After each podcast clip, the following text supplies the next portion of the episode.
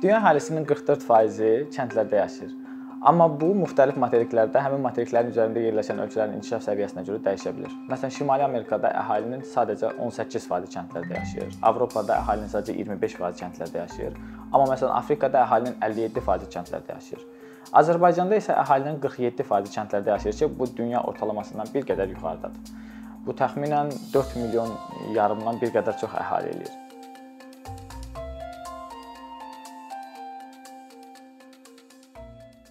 Gənclərlə regionlarda sosial iş ifadəsinə bir tərif verməyə başlasaq, gərək biz əsas anlayışlardan başlayaq. Əvvəla gənclər nə deməkdir? Gənclərin Azərbaycan qanunvericiliyində konkret bir anlayışı var. Gənclər 14 və 29 yaş arasında qalan əhaliyə deyilir. Amma regionlarla iş anlayışının belə deyək, dünya praktikasında tam bir tərifi yoxdur.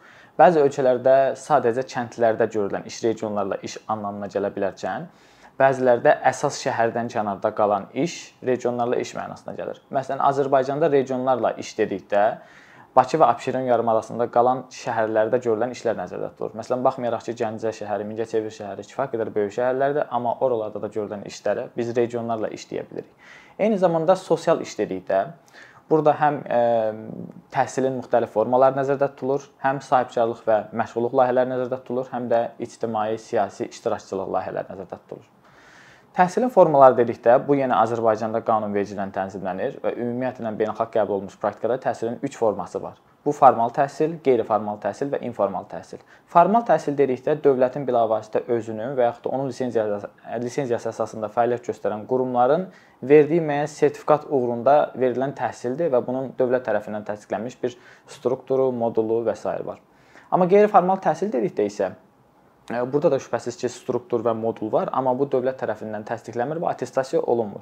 İnformal təhsil dedikdə isə ümumiyyətlə gənclərin və yaxud da bu təhsili alanların, benefisiarların həyatdan öyrəndikləri, belə deyək, günlük davranışlarından, ətrafındakı dostlarından, ailəsindən, sosiumdan öyrəndiyi məsələlərə ehtiva edir. Ölkələrdə şəhər əhalisi və kənd əhalisi arasındakı fərq çox olduqda hökumətlər daha rahat strategiyalar qura bilir.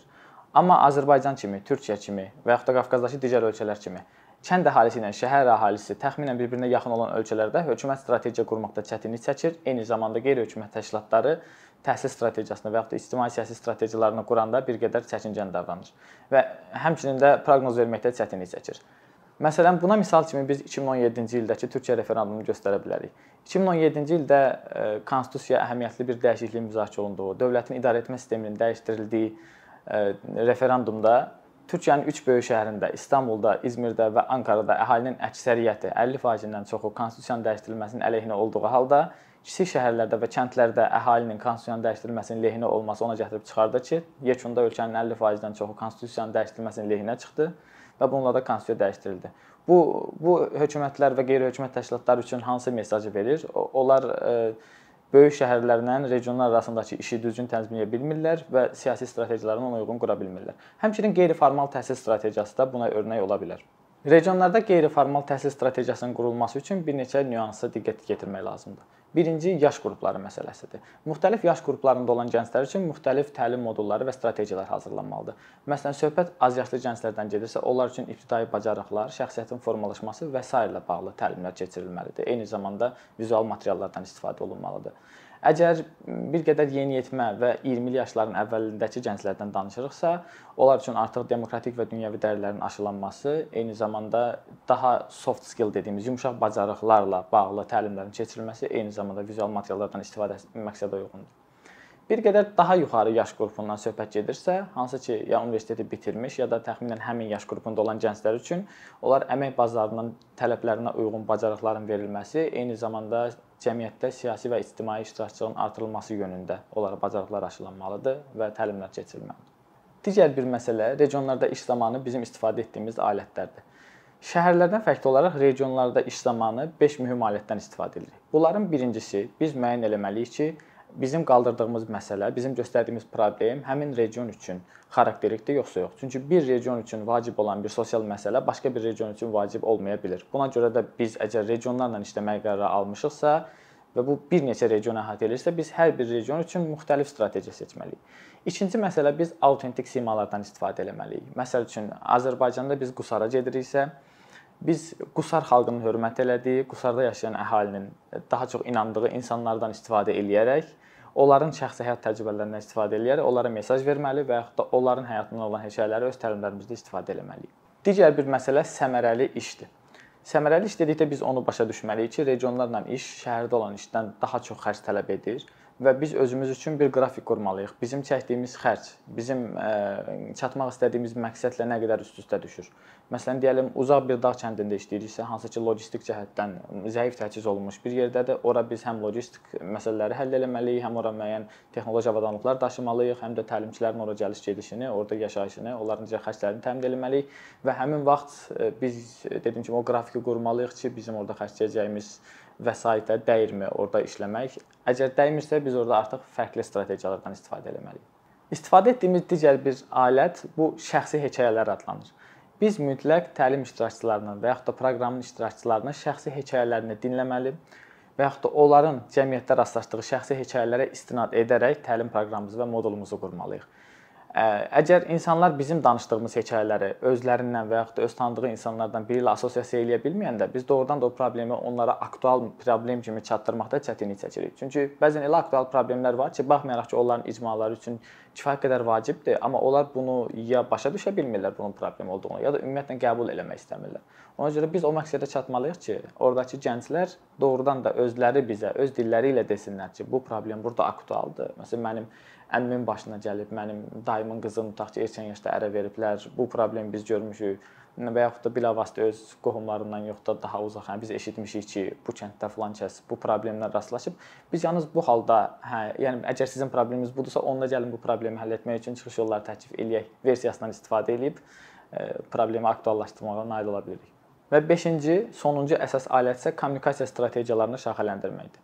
Bəzən bir regionda bir neçə kommunikasiya strategiyasından istifadə etməli oluruq. Baxmayaraq ki, orada əsasən insanlar e, eyni dildə danışır, cəmiyyətlə bağlı düşüncələri eynidir. Yenə də həm yaş qruplarına görə, həm cinsiyyət qruplarına görə, həm maddi, iqtisadi durumlarına görə insanlarla müxtəlif strategiyalarla kommunikasiya qurmalı oluruq.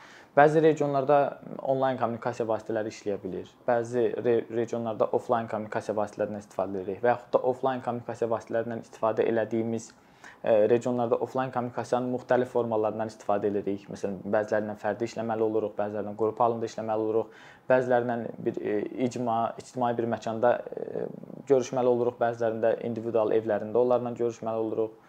E, bu da o deməkdir ki, biz əgər hamısına eyni vahid bir kommunikasiya strategiyasını istifadə etsək, bu da bizim uğursuz olmağımıza səbəb olan faktorlardan biri olacaq. Bəs regionlarla iş zamanı bizim qarşımızda duran əsas maneələr nədir? Azərbaycanda 2014-cü ildə qeyri-hökumət təşkilatları haqqında qanun, eyni zamanda qrant haqqında qanuna edilmiş dəyişikliklərdən sonra Azərbaycandakı qeyri-hökumət təşkilatlarının xarici donorlardan maliyyələşmə imkanları bir xeyli azalmışdı. Bu da ona gətirib çıxarır ki, qeyri-hökumət təşkilatları əsasən yerli donorlarla işləmək məcburiyyətində qalır. Yerli donorlarda işləmək məsələsində isə iki problem ortaya çıxır. Birincisi, vəsait kifayət qədər deyil ki, bütün qeyri-hökumət təşkilatlarına və yaxud da əsasən bu sahədə fəaliyyət göstərən qeyri-hökumət təşkilatlarını təmin etmək mümkün olsun. İkinci məsələ isə maraqların uzlaşması məsələsidir ki, hökumət bəzi hallarda qeyri-hökumət təşkilatları ilə eyni maraqları bölüşməyə bilər və bu da onunla nəticələnir ki, onlara maliyyə ayırmaqdan imtina eləyir. İkinci bir məsələ inzibati çətinliklərdir. Regionlarda dövlət öz resurslarını qeyri-hökumət təşkilatlarının üzünə açmağa bir qədər tərəddüd eləyir adətən ə, e, onlar tələb eləyirlər ki, əgər siz regionda hansısa bir təşəbbüs həyata keçirirsinizsə, mərkəzi hökumətdən, prezident administrasiyasından və ya da hansısa nazirlikdən müvafiq bir icazə ilə müraciət etməlisiniz və oradan regiona xüsusi bir ə, e, kağız getməlidir, məktub getməlidir və s. Bu həm bir qədər vaxt alır, həm də bir qədər enerji alır e, tədbirin təşkilatçıları üçün. Bu bu halda da bu bu prosesin uzanması və yaxud da donorlarla dövlət qurumları arasında olan ziddiyyətlər, həmçinin də e, bu çətinliyə görə bu tədbirdə iştirak etməkdən imtina edən benefisiarlar, eyni zamanda təlimçilər yenə də proqramın effektivliyinə gətirib çıxarır. Regionlarda işləyən zaman qarşımızda duran digər bir çətin məsələ də logistik məsələlərdir. Bildiyiniz kimi şəhərdə balaca bir ərazidə xeyli insan yaşayır. E, məsəl üçün Bakının bir rayonunda 1 milyona yaxın insan yaşaya biləcəykən, amma biz rayonlarda və yaxud da kəndlərdə çox böyük bir ərazidə bir neçə 10 min, bəzən 100 min nəfərin yaşadığına şahid ola bilərik. Bu o deməkdir ki, e, şəhərdə daha çox insana çatmaq daha rahatkən, rayonlarda, regionlarda eyni qədər insana çatmaq üçün həm daha çox yol qət eləməli oluruq, həm daha çox resurslardan istifadə elə, eləməli oluruq. Çünki bir neçə kənddən olan benefisiarları eyni yerə yığmaq üçün bu nəqliyyat xərci deməkdir. Həmçinin o nəqliyyatın idarə olunması üçün xüsusi belə deyək, əməkdaşın ora təyin olunması deməkdir. Amma bu şəhərlərdə daha asan olur. Qarşımızda duran deməli problemlərdən biri də budur ki, rayonlar geniş əraziyə yayılır, daha çox dağlıq əraziyə yayılır və onlarla kommunikasiya qurmaq çətinləşir. Və son olaraq ixtisaslı kadrların tapılması və təlim modulu məsələsi. Bu cür ixtisaslı kadrlar dünya praktikasında adətən qeyri-hökumət təşkilatlarında fəaliyyət göstərir. Azərbaycan praktikasında isə biz baxırıq ki, qeyri-formal təhsil verən şəxslərin çoxu başqa bir qurumda hal-hazırda fəaliyyət göstərir və sadəcə olaraq boş vaxtlarında bir hobbi kimi və yaxud da əlavə qazanc və əlavə məşğuliyyət mənbəyi kimi bu işlə məşğul olurlar. Məsələn, hansısa bir biznes konsultant hansısa bir e, şirkətlərə konsultasiya verməklə məşğuldur və buna görə də o populyardır müəyyən qədər sosial mediada və yaxud da ümumiyyətlə mediada populyardır və regionlarda hansısa bir bizneslə bağlı tədbir təşkil olunanda təlimçi kimi o dəvət olunur. Bu nə mənaya gəlir? O təlimçi deyil, o pedaqoq deyil və o sadəcə biznes konsultantdır. Bəzən düşünürlər ki, sadəcə olaraq hansısa məsələni bilmək, onu gənclərlə, uşaqlarla bölüşmək üçün kifayətdir, amma bu belə deyil. Həmçinin öyrətmə metodlarını bilmək lazımdır və müxtəlif yaş qruplarına, müxtəlif region qruplarına onları öyrətmək üçün o xarakteristik xüsusiyyətləri bilmək lazımdır. Həmçinin təlim modullarının hazırlanması məsələsində Azərbaycanda hazırlanmış təlim modullarının sayı həddən artıq azdır. Modullar əksərən ya Avropa İttifaqı, Avropa Şurası tərəfindən hazırlanır və yaxud da digər beynəlxalq qurumlar tərəfindən hazırlanır, hansı ki, Azərbaycanda onlardan istifadə olunur və yaxud da regional hazırlanır. Mərkəzi Asiya üçün, Cənubi Qafqaz üçün Bunu da bəzən ə, olduğu kimi götürüb burdakı regionlara tətbiq etməyə çalışanda bəzi problemlər yaşanır. Xüsusilə də ə, nəzərə alsaq ki, Azərbaycanda hazırlanmış təlim modullarının sayı azdır. Bunlar bilavasitə sadəcə tərcümə olunurlar, ən yaxşı halda tərcümə olunurlar. Onların tətbiqi zamanı e, mexanizmlər işləməyəndə biz bəzən problemi başqa yerdə axtarırıq. Halbuki doğrudan da problem elə bilavasitə modulun özündədir. Bu başqa yerdə işləyə bilər. Məsələn, Slovakiyada, Belçikada işləyə biləcəksən, Azərbaycanda işləmir və bu burada əlavə səbəb axtarmağa ehtiyac qalmır. Təlim modullarının hazırlanma prosesi heç də sadə bir proses deyil. Bu da normalda qeyri-hökumət təşkilatları tərəfindən dövlət qurumları ilə əlaqəli formada hazırlanmalıdır. Necə hazırlanmalıdır? Bunun üçün qeyri-hökumət təşkilatlarının əlində bir databaza olmalıdır. Bu databazanı iki formada əldə edə bilər qeyri-hökumət təşkilatları. Ya dövlətin əlində olan bazanı onlardan tələb etməklə, ya da özü müstəqil sorğular aparmaqla. Azərbaycanda bu formada sorğuların aparılma aparılması bir qədər çətindir. Bu həm yenə deyirəm, maliyyə imkanları tələb eləyir, digəri də inzibati çətinliklərlə rastlaşırlar. Eyni zamanda insanlardan sorğu aparılan zaman insanlarda biraz çəkincənlik müşahidə olunur. Həm siyasi proseslərlə bağlı, həm də onların buna alışqın olmamağı ilə bağlı bəzən onlar suallara ya ümumiyyətlə cavab vermirlər, ya da dürüst formada cavab vermirlər, ya da ümumiyyətlə tam əlaqəsiz. Məsələn, bizim rastlaşdığımız məsələlərdən yola çıxsaq, hansısa regionda soruşuruq ki, tutaq ki, məsələn, filan problem necə həll oluna bilər? Məsələn, sizdə gender problemi necə həll oluna bilər və kimsə bizə başlayır ki, pensiyanı neçə ildə almadığından danışır bəs və yaxud da filan inəyinə görə müraciət edib hansısa məşğulluq məşğulluq qurumuna ki, hə mənim inəyim belə olub, belə olub, belə olub və biz artıq ona deyə bilmirik ki, bizə bu maraqlı deyil, bizə bundan danışma, bizim sualımız başqadır. Məcburuq biz ona qulaq asaq, biraz özümüzü yaxın hiss elətdirək ona ki, bizə səmimi cavab verə bilsin. Bu da xeyli enerji alır, vaxt alır. Və bunlar da çox nadir hallarda keçirilə bilər və çox az adamın iştirakı ilə keçirilə bilər. Hansı ki, bu da bizə vahid bir data baza vermir. Dövlətdən bu məlumat bazasını almaq isə bu Baxmayaraq ki, qanunvericiliklə tənzimlənir ki, dövlət bu informasiyanı təmin eləməlidir. Vətəndaşlar üçün, eyni zamanda qeyri-hökumət təşkilatları üçün bir çox hallarda biz görürük ki, bu bu məlumatlar açıq deyil. Ya ümumiyyətlə qurumlar deyir ki, bu baza bizdə yoxdur. Hansı ki, düz deyirlər, doğrudan da bir çox məsələlərdə heç araşdırma aparılmayıb, statistika aparılmayıb. Ya da bu məlumat var və dövlət qeyri-hökumət təşkilatlarının məlumatlarını təmin eləmir, çünki düşünür ki, bu qeyri-hökumət təşkilatlarının hansısa məsələdə artıq dövlətlə eyni qədər məlumat əldə etməyinə səbəb ola bilər və bunu da bir növ özlərinə rəqib görürlər qeyri-hökumət təşkilatları. Biz şəxsi təcrübələrdən yola çıxsaq, biz son vaxtlarda əsasən ə, gender məsələləri üzrə regionlarda təlimlər aparırıq, çünki bu məsələ son illərdə kifayət qədər aktuallaşıb. Ə, bildiyiniz kimi Azərbaycanda ə, gender məsələləri dövləti, sadəcə dövləti yox, həm də doğrudan da vətəndaş cəmiyyətini narahat edən məsələlərdir. Biz sosial mediada qadın ölümlərini və yaxud da hansısa məişət zorakılığı zəminində qadınlara xəsarət yetirilməsini, eyni zamanda qızların erkən yaşda evləndirilmələrini və yaxud da selektiv abort hallarına kifayət qədər rastlaşırıq son vaxtlarda və ona görə son illərdə tendensiya budur ki, müstəqil vətəndaş cəmiyyəti qurumları regionlarda gender məsələlərlə bağlı işlər aparır. Bu həm də ona görədir ki, bu nisbətən az təhlükəli məsələ sayılır dövlət üçün, çünki ə, siyasi proseslərlə, iqtisadi proseslərlə bağlı maarifləndirmə işləri aparanda dövlət məsələlərə həssas yanaşır və bir, bir qədər məhdudlaşdırır onların fəaliyyətini. Belə deyək, hazırda gender, ekologiya və bu tipli məsələlər dövlətin qızıl ortası sayılır ki, yəni bu məsələdə işləyə də bilərsiniz buna icazə də verə bilərik, e, amma bir həddən sonrakı hansı ki, müəyyən qırmızı xəttləri keçməyəsiniz. E, deməli bizim rastlaşdığımız кейslər necə olur? Biz e, maraqlı ola bilər ki, bu modullar effektivdirmi, bu təlimlər effektivdirmi?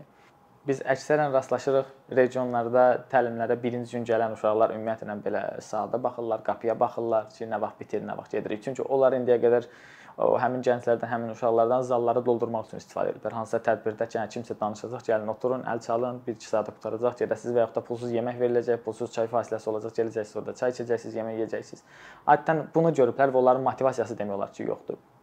Amma təlimlərdə istifadə edəndə ki, artıq təlimçi onlarla individual işləyir, təlimçi adını yadında saxlayır, onların xarakteristikasını yadında saxlayır. Məsələn, onlar özlərini təqdim edəndə alışıblar ki, desinlər, hə, mən kim of kim, harda doğulmuşam, neçə yaşım var, nə bilim, hansı yerdə oxuyuram, bu işlə məşğulam. Amma məsələn, görəndə ki, artıq fərqli təqdim etmə forması var. Məsələn, biz onlardan soruşuruq ki, tutaq ki, kimsəsiz adıya düşsəydin, özünlə düşsən nə götürərdin? Artıq bu ilk dəfə hiss eləyir ki, kimsə bunun indiyə qədər televiziyada izlədiyi şeylərlə və yaxud da xəyal dünyası ilə maraqlanır. Bu artıq bir özü ilə bir səmimiyyət bağı qurur ki, deyəsən bu təlimçi mən maraqlıyam.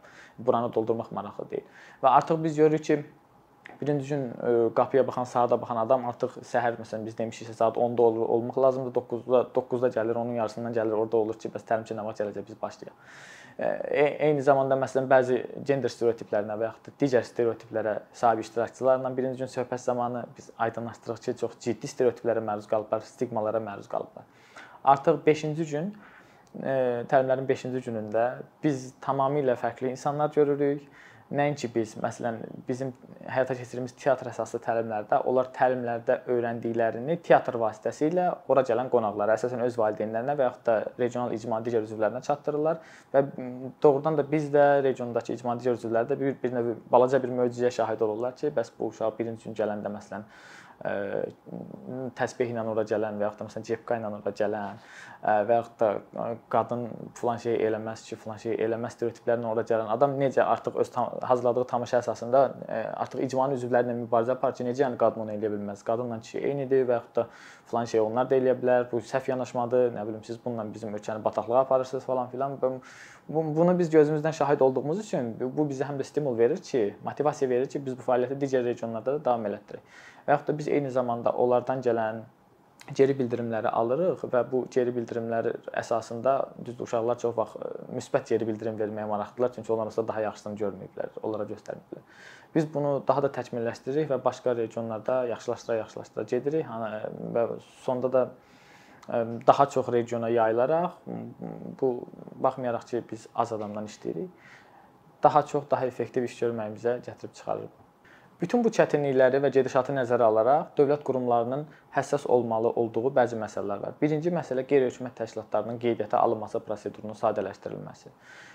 Əslində qanunvericiliyə əsasən bu kifayət qədər sadə prosedur olsa da biz praktikada görürük ki, son illərdə ümumiyyətlə müstəqil fəaliyyət göstərməyə çalışan QHT-lər qeydiyyata alınmır. QHT-lər o halda qeydiyyata alınır ki, onları qeyri-rəsmi formada kimsə himayə eləyir və bu dövlətə, Ədliyyə Nazirliyinə məlumdur. Digər bir məsələ maliyyə məsələsidir Azərbaycanda hal-hazırda beynəlxalq donorlar çox məhdud sayda fəaliyyət göstərə bilər. Əvvəllər Azərbaycanda beynəlxalq qeyri-hökumət təşkilatları donor kimi çıxış edə bilirdisə, artıq biz görürük ki, yalnız beynəlxalq hansısa dövlətlərlə əlaqəsi olan qurumlar fəaliyyət göstərə bilər. Məsələn, ABŞ-ın Azərbaycandakı səfirliyi və yaxud da ABŞ-ın Beynəlxalq İnkişaf Agentliyi və yaxud da BMT-nin inkişaf proqramı və s. onlar donor kimi fəaliyyət göstərə bilər, hansı ki, onlar da hökumətin qarşısında siyasi, Azərbaycan hökumətinin qarşısında siyasi məsuliyyət daşıyırlar. Ona görə də bir növ onlarla müəyyən məsələləri balanslaşdırmaq rahat olur. Amma onlar onların da maliyyəsi məhduddur, çünki onlar insanların vergisindən maliyyələşirlər. Bəzi beynəlxalq institutlar var ki, onlar fond formasındadılar və onlar sahibkarlardan maliyyələşirlər. Onlar vasitəsilə bu layihələri həyata keçirmək daha rahat olur və hökumət bu maliyyənin yolunu açmalıdır ki, Azərbaycanda qeyri-hökumət təşkilatları daha effektiv fəaliyyət göstərə bilsinlər. Son məsələ isə bildiyiniz kimi bizim istifadə etdiyimiz qeyri-formal təhsil metodları keyfiyyət cəhətdən üstün olsa da, kəmiyyət cəhətdən çox az adama çatır. Amma Azərbaycanda kəmiyyət cəhətdən hamıya çata biləcək bir platforma var. Bunlar məktəblərdir və formal təhsil müəssisələridir. Bildiyiniz kimi 9-cu sinifə qədər məktəblərdə təhsil icbari xarakter daşıyır. Ona görə də dövlət, xüsusilə də Təhsil Nazirliyi artıq müasir təhsil sistemində, formal təhsil sistemində qeyri-formal təhsilin elementlərindən istifadə etməlidir. Bunun üçün məktəblər internetləşdirilməlidir, informasiya kommunikasiya texnologiyalarının alətləri ilə təmin olunmalıdır bu vasitə ilə də onlar bizim qeyri-formal təhsil ehtiva edən təlimlərdə istifadə etdiyimiz metodları onlar da təhsil metodlarında günlük məsələn 2-ci sinif uşağına hansısa bir dərs öyrətməyə çalışırsa bu oyunla öyrədilə bilər və yaxud da internet üzərindən hansısa videolara baxmaqla və yaxud da onlayn oyunlar oynamaqla da bu uşağa öyrədilə bilər. Əslində bir növ bu metodlar formal təhsil sistemində istifadə olunsa, bu qeyri-hökumət təşkilatları üzərindəki yükü də bir qədər azaldır. Eyni zamanda qeyri-formal təhsilin üzərindəki bu böyük yükü də bir qədər azaltmış olur. Bir neçə ildir ki, əkinçi olaraq Azərbaycanlı izləyicilərin hər zaman faydalana biləcəyi keyfiyyətli və ən əsas ödənişsiz kontent hazırlamağa çalışırıq. İndiyədək təqdim etdiyimiz onlarla animasiya və yüzlərlə çəkilişlər tələbələrin, mütəxəssislərin, müəllimlərin və ümumiyyətlə yeni mövzulardan xəbərdar olmaq istəyən çox sayda insanın marağına səbəb olub. Bu illər ərzində hazırladığımız videolar təhsil, texnologiya, ictimai fəallıq, iqtisadiyyat, gender bərabərliyi, ətraf mühit, ifadə azadlığı, hüquq, demokratik inkişaf, mədəniyyət və digər mövzuları əhatə edib.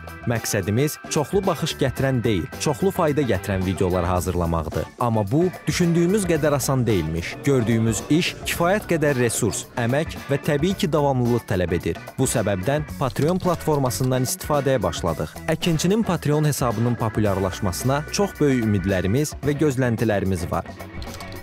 Bəziləriniz Patreon haqqında ilk dəfə eşidirsiniz. Əslində çox sadə izahı olan bir platformadır. Təsəvvür edin ki, siz rəssam və ya musiqiçisiz. Sosial şəbəkələrdə sizi izləyən, işinizi bəyənən çox sayda insan var. Patreon platforması sizə imkan verir ki, izləyicilərinizin könüllü aylıq ödənişləri sayəsində işinizi davam etdirəsiniz. Sərgi, konsert zallarından asılı qalmayasınız. Amma bu təkcə rəssam və musiqiçilərə aid deyil. Məsələn, əkinçiyə bənzər fəaliyyətlə məşğul olan bəzi layihələrin 10 minlərlə patronu var. Biz də düşündük ki, nə üçün əkinçinin Patreon hesabı olmasın? Sizin dəstəyiniz sayəsində biz daha çox və daha keyfiyyətli kontent yaratmağa davam edə biləcəyik. Amma bu dəstək yalnız maddi dəstək deyil. Dəstəkçilərimizin sayının artması gördüyümüz işlərin faydalı olduğuna dair əminlik verir. Patreon platformasından istifadə çox sadədir. Hesabınızı açırsınız, sizə uyğun dəstək növünü seçirsiniz və Patreon özü hər ayın ilk günü kartınızdan seçdiyiniz dəstək növünə uyğun ödəniş tutur. Bu qədər. Sonda onu demək istəyirik ki, dəstəkçilərin sırasına qoşulmaq istəyən, amma məhdud imkana görə bunu edə bilməyənlər narahat olmasın. Daha öncə dediyimiz kimi, bizim əsas məqsədimiz daha çox insanın hər zaman faydalana biləcəyi keyfiyyətli və ödənişsiz kontentin yaradılmasıdır. Bunun üçün mütləq patronumuz olmalısınız deyə məcburiyyət yoxdur. Amma imkanınız patron olmağa çatırsa və bizim işimizi bəyənirsinizsə, patronlarımızın sırasına qoşulmağınız bizim üçün çox önəmlidir.